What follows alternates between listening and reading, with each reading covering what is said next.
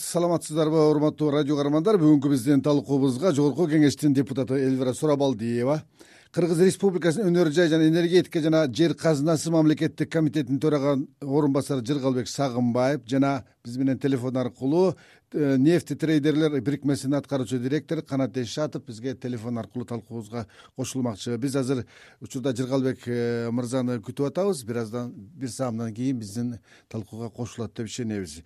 Элбир айым э, сиз мына парламентте э, маселе көтөрүп кыргызстанда сатылып жаткан күйүүчү майларды он сомдон он беш сомго чейин арзандатууга э, болот деп айттыңыз. Ал үчүн бул жаатта бул өкмөттү да катуу сынга алдыңыз сиз бул цифраларды бул маалыматтарды эмнеге негиздеп айтып жатасыз саламатсыздарбы? Э, ошол ооба э, туура айтасыздар жакында эле э, парламенттин отурумунда жалпы жыйындын отурумунда деген ошол өкмөткө караштуу ушул маселе суроолорду берип жатканда эмнеге азыркыга чейин жарым жыл мурда өкмөт тарабынан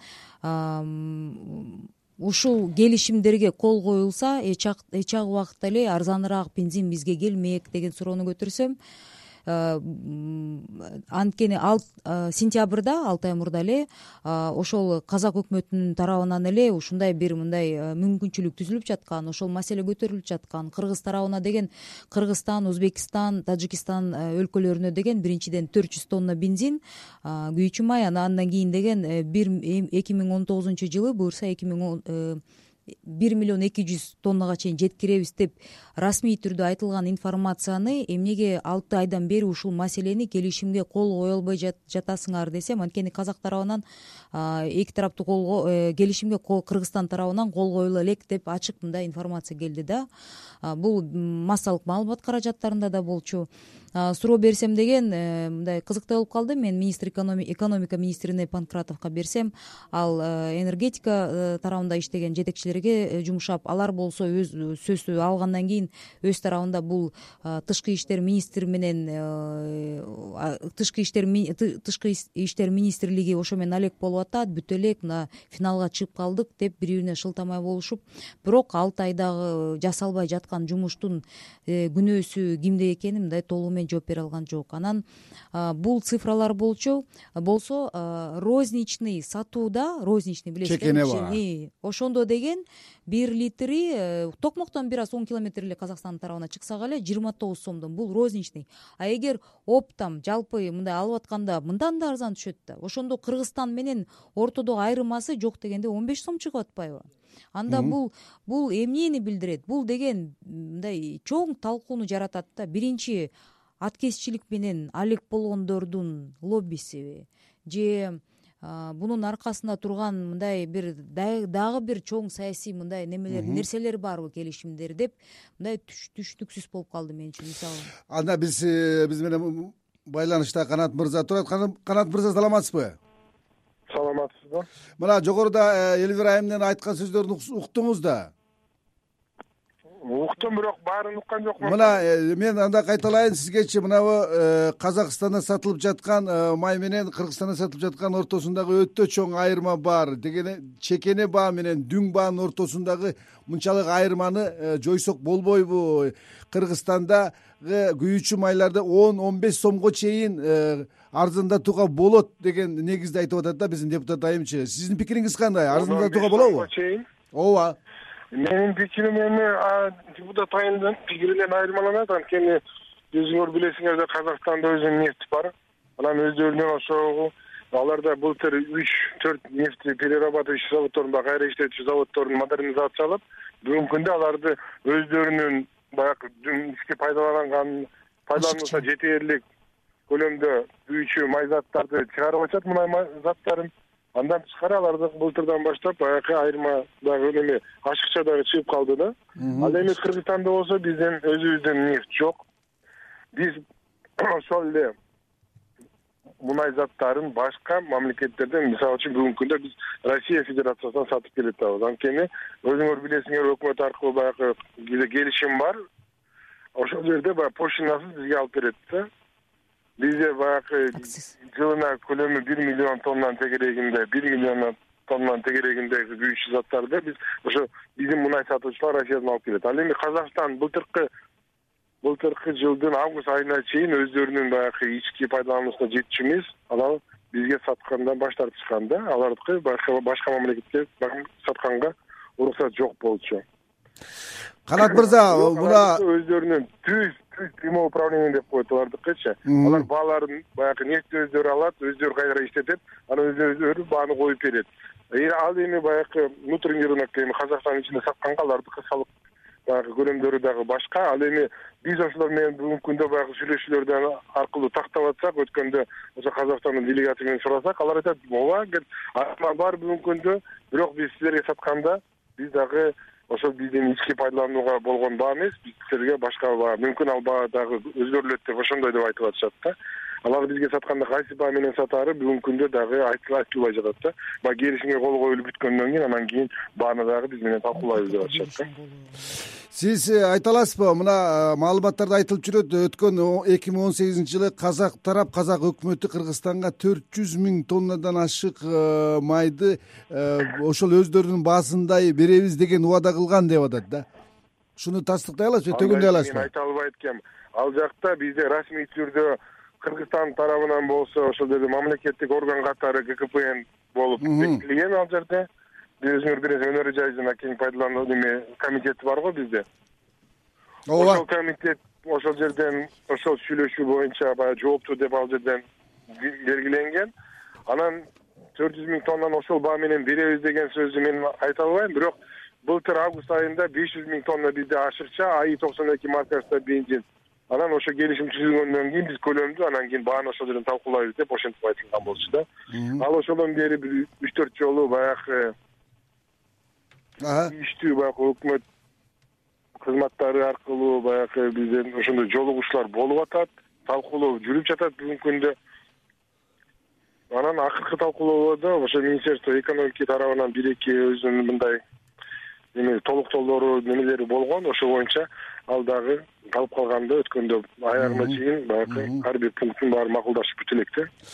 Рахмат э, канат мырза сиз дагы биз менен байланышта болуп турсаңыз суроолорубуз болот. Э, жыргалбек мырза э, биздин студияга кош келипсиз мына биздин талкууга кыргызстандын өнөр жай энергетика жана жер казынасы мамлекеттик комитетинин төрага орун басары жыргалбек сагынбаев кошулду жыргалбек мырза мына жогоруда биз сөз кылдык депутат элвира сурабалдиева кыргызстандагы күйүүчү майларды он он беш сомго чейин арзандатууга болот. Бул жагынан э, өкмөттүн э, бир иштеши чабалдык келтирип атат дейт. Чындап эле ошондой бизде мүмкүнчүлүк барбы? Шарт барбы? Биздин кошуналар менен ошондой бир макулдашуулар болгонбу?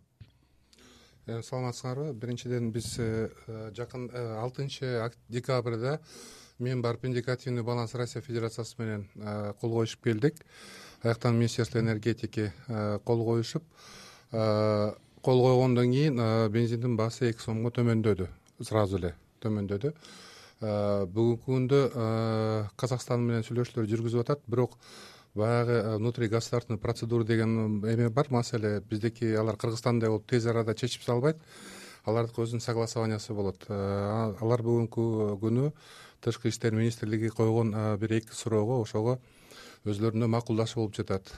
Биз деген алар менен келишимге кол коюшкандан кийин сразу эле ишке ашып кетпейт. Булардыкы э, э, парламентке ратификация кылат биздики андай процедура жок. Ошон үчүн да бул деген процедураларды тез жакшы мындай сапаттуу өтүп алсак ошондо бизге дагы мындай иштегенге мыйзамдуу болот.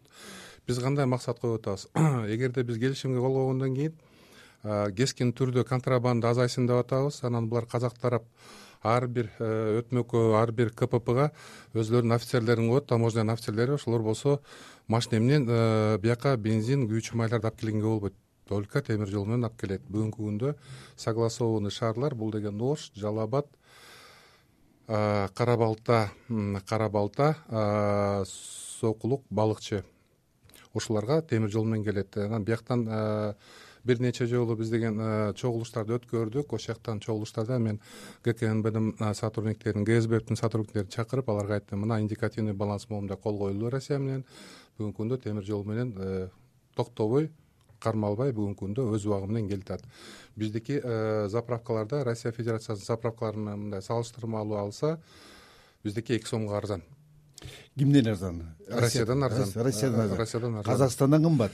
Казакстандан кымбат. Себеби дегенде россия федерациянын ушундай ички закондору бар. Булар деген андан андан арзандата албайт экен да казакстанда болсо биз алардыкы баасына бүгүнкү күндө акциз анан бияка доставканы кошкондо разницасы андай он он беш сом болуп кете албайт. Все равно баягы ошолор минус атат да. Бизге келип аткан күйүүчү майлардын жалпы көлөмүн эсептесек э, канча пайызы россиядан келет канча пайызы казакстандан келет? Ушуну абдан жакшы суроо болду да. Кыргызстандын бүгүнкү күндө потребность бир миллион тонна күйүүчү май биз россия федерациясы менен бир миллион эки жүз миңге түзүп келдик. Бул кыргызстанды уже камсыз кылып атабыз. Эми казакстандыкы арзан деп алардан алышыбыз керек. Бизге эме жазгы талаа иштери бар күзгү талаа иштери бар. Э, сезон туристический сезон келе атат эми ошого карабастан биз алардан дагы алалык деп атабыз. Бирок россия федерациясы анан казакстанда сурап атат силер дагы эле күйүүчү май бизден сурап атасыңар. Силердин экономиканын өсүшү эмне э, эки эсе үч эсе өсүп атасыңарбы дейт да. Все таки вашу потребность мы закрываем деп алар деле туура суроо берип атат демек казакстандан биз албайт экенбиз да азыр? Жок алабыз. Алыш керек. Арзан дагы арзан э, жок ушул күндөрү албайбыз да ушул күндөрү азыр алганга аракет кылып атабыз. Себеби внутри государственный процедуралар бүтсө биз ала баштайбыз. Эгерде сиз айткан жана процедуралар бүтсө тиги ратификациялар болсо анда бизде э, казакстандан келчү май россияныкына караганда дагы арзандашы мүмкүн деп э, мына элвира жыргалбековна бул кыйын экономист менен сыйлаган адамдардын бири анан бул киши дагы мындай эметип ошону макулдейт болуш керек. Себеп дегенде биздики при потребности миллион тонн биз бир миллион эки жүз миң тоннага кол коюштук азыр болсо мен деген биздин нефтетрейдерлерден сурап атам бизге канча бензин керек канча солярка керек канча күйүүчү майлар керек десем эки жарым миллион тоннага заявка келип атат. Биздики эмне кыргызстанда экономиканын өсүшү үч эсе болуп кеттиби элвира айым мындай мына биз кыргызстан менен эме кыргызстан э, россия менен же болбосо казакстан менен мындай эки тараптуу гана сүйлөшүүлөр менен чечип атпайбызбы бул үч мамлекеттин евразия экономикалык биримдигинин мүчөсүбүз. Ушуну биз чогулап чечсе болобу? Мына ушундай жол барбы сиздин оюңуз кандай эми мындай атат жана мен башында айтып кеткендей бул жерде эми жыралбек мырза деле туура азыр айтып аткан саясий жерин айтып атат болуш керек. Анткени деген россия федерациясы менен биз кол койдук и аяктан кымбатыраак болсо да бул саясий чечим болуп калып атат да. Анан арзаныраак казакстандын бензинин алыш үчүн аякта гарантированная поставка болуш керек деген бир чоң маселе болуп атат да. Мен азыр туура түшүнүп атсам э. То есть э, вариант стабилдүү россия менен кымбатыраак же стабилдүүлүктү гарантиясын бербей жаткан казакстан менен бирок арзаныраак түзөбүзбү деген маселенин эң мындай түпкү маңызы ошондо болуп атат сөздүн ачыгы менен. Эми мен ачык сүйлөөгөн көнүп калдым. Ошон үчүн айтып атам да мен парламентте берген суроо бул эң биринчи ошон үчүн ошол жактан да айткан кезим бар болчу. Саясий келишимдер бул саясий келишим бул эми географиялык анан жана башка тиги чоң мындай маселелер бар да. Бирок деген биринчи болгондо бул элибиздин кызыкчылыгын ойлош керекпиз деп ошондуктан бул маселе парламенттен берилгенде бир кыйла арзан болуп атат эми розничный баасы менен жыйырма тогуз сом анан кырк эки сом болуп атса оптовый баасы менен тияктан поставкаларды кандай түшүрөбүз? Эгер просто вот мен алдын ала бергим келип атат да ушул суроонучу эгер мисалы казакстан өзү внутренний рынокко арзаныраак баа менен бергенде деле эгер биз менен азыр жарым жыл мурда э, биз төрт жүз тоннага даярбыз деп айтып атканда ошондо поставкаларына бааларын дароо обозначить эткен жок беле кандайча биз биринчи кол коебуз анан бааларды тактайбыз деген жанакы нефтетрейдердин өкүлүнөн мына азыр мен ошол суроону канатка бергим келип атат. Канат мырза мына э, сиздер мына бизнестин өкүлдөрүсүздөр э, сиздер үчүн э, россиядан күйүүчү май алып келген ыңгайлуу мындай пайдалуубу же казакстан менен болгон ыңгайлуубу эмне болуп атат бул жерде? Жок биздин ассоциациянын мүчөлөрү деле өткөндө ошо эмелерге катышып атышат да жолугушууларда катышып атат казакстанда ал жерде баягы бир неме управляющий компания бар да каз газ мунай зат дегенчи. Каз мунай газ деген. Ошол неменин өкүлдөрү мындай деп атат.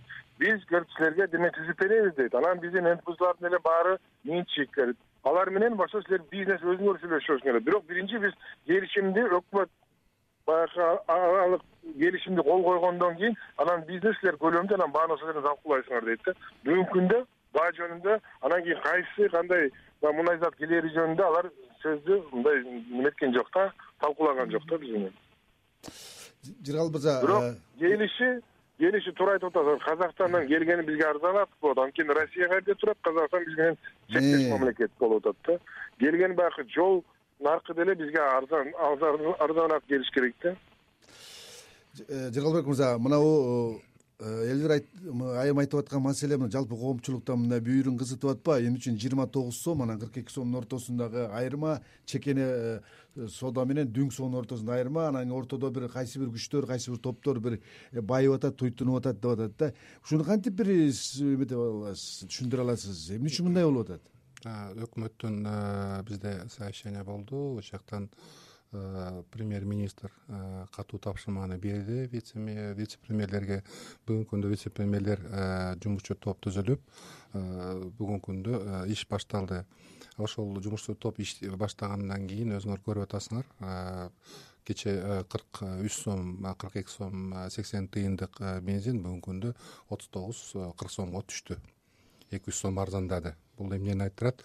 Себеби дегенде баягы биз кайрылганда айтып атабыз нефтителерлерге социальный ответственность болот. Баардыгын эле ушинтип өзүңөр таап пайдасын таап неметип дагы бүгүн биздердин ичинде экономика дагы бизде бүгүн эркин э, эркин экономикада көп нерсени кылса болот эч ким эч айтпайт бирок э, ошол бааларды бүгүн регулятор э, бүгүн антимонопольный орган эми алар айтып атат эми биздики жыйырма процент кымбаттаса бир айдын ичинде биз кийлигише алабыз деп.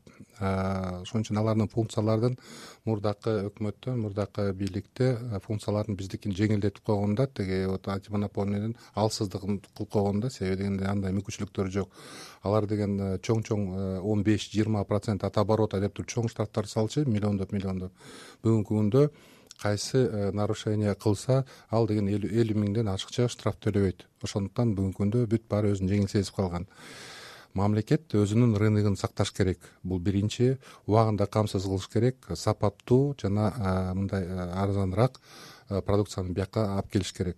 Бирок ошонун ичинде көп бизнесмендер пайдаланып муну баягы баягы э, эми э, аракетти мындай э, кичине баягы урматташ керек да. Себеби дегенде биз деген мына өзүбүз убактыбызды коротуп барып келишим түзүп сүйлөшүп аракет кылып ушундай сүйлөшүүлөр жүргүзөбүз маселе чечилгенден кийин бизнесмендер абдан жакшы иштейбиз баалар арзандайт деп эле өзүнүн баягы социалдык ответственность баягы кичине мындай төмөнүрөөк болуп атат да. Эми ошол тараптан бүгүнкү күндө жумуш топ иштеп баштады. Бензин үч сомго арзандады. Эми мындан дагы дагы арзандайт деген биз ойдо барбыз. Э, оюңуз барбы ооба жана сиз жыралбек мырза айтып кетпедиңизби? Бизде расмий бир жылдык потребность бир миллион тонна бирок деген эмнегедир эки миллион тоннага запрос берилип атат и казактар э, закономерный суроо берип атышат.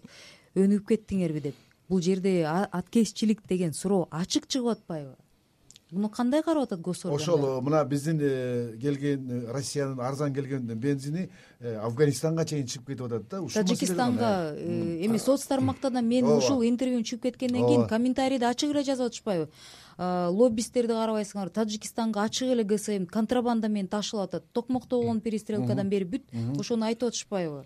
Бизде гкпн ушундай орган биздики өзүбүздүн положениясы боюнча биз деген индикативный балансты камсыз кылышыбыз керек кыргызстанга сапаттуу жакшы э, мунай зат келиш керек да. Да анан э, ошол жагы бар да биздики. Анан биз деген баага кийлигише албайбыз. Ар бир гос органдын өзүнүн мүмкүнчүлүктөрү шарттары жазылган. Ал ошол положение закондор менен бекитилген да ошон үчүн биз деген ашыкча өзүбүздүн эмебизден биз чыга албайбыз. Эгерде сапат бензин азыраак болуп сапатсыз болуп атса анда түздөн түз биз башыбыз менен жооп беребиз. Канат мырза угуп атасызбы бизди угуп атам.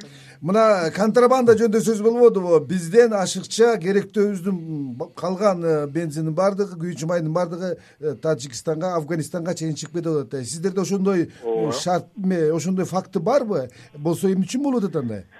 Эми андай факты болгон үчүн биз деле ошо кайрылып атпайбыз. Биз былтыртан бери эле ар кайсы биз өкмөттө да мынабу кызматтарга дагы керек болсо кыргызстандын президентинин атына чейин ушундай катты жоллогонбуз да. Биздин мына мунай сатуучулар ошол контрабанда азыр көлөмү көбөйүп бараткан үчүн кээ бирки мунай сатуучулардын сатуу баягы көлөмдөрү отуз пайызга чейин төмөндөп кетти деп алар бизге кайрылып атышат. Официально бизде иштеген баягы мунай сатуучулар биздин ассоциациянын мүчөлөрү алар баары ак официальный иштейт. Бизге алып келет могу жерден границадан өтөт анын баары декларирование болот налогтордун баары төлөнөт ошол алар налог баягы мындай айтканда ак иштеп атышат да. Анан кийин ошо контрабанда келгенде баягыкындай туура эмес көрүнүштөр чыгып атат да. Мен россия федерациясы менен индикативный баланс кол койгондо аяктан капкара бир пункт менен жазылып турат что реэкспорт или вывоз в третьи страны э, строго запрещается. Деп бул биринчи. Ар казак тарап менен дагы биз деген буюрса кол коюшкан убакта дагы аякта дагы ошондой эле кара мындай өзүнчө пункт турат биз деген чыгарганга болбойт деп. Ошонун негизинде биз деген э, как биз деген как индикативный балансты кол койгон орган болуп биз деген чогулуш өткөрүп бияктан ошо айтып атпаймынбы бизге баягы сбптин балдарын чакырып айтып атабыз. Ребята тамашалабайлык. Момундай момундай болуп атат деп алар айтат биздики эми баягы мүмкүнчүлүктөр мындай болуп атат тигиндей болуп атат. Биз деген азыр нефтетройлор менен сүйлөшүп атабыз. Э, кичине жардам бергиле э, давайте контейнерлерди дополнительный постторду коелук.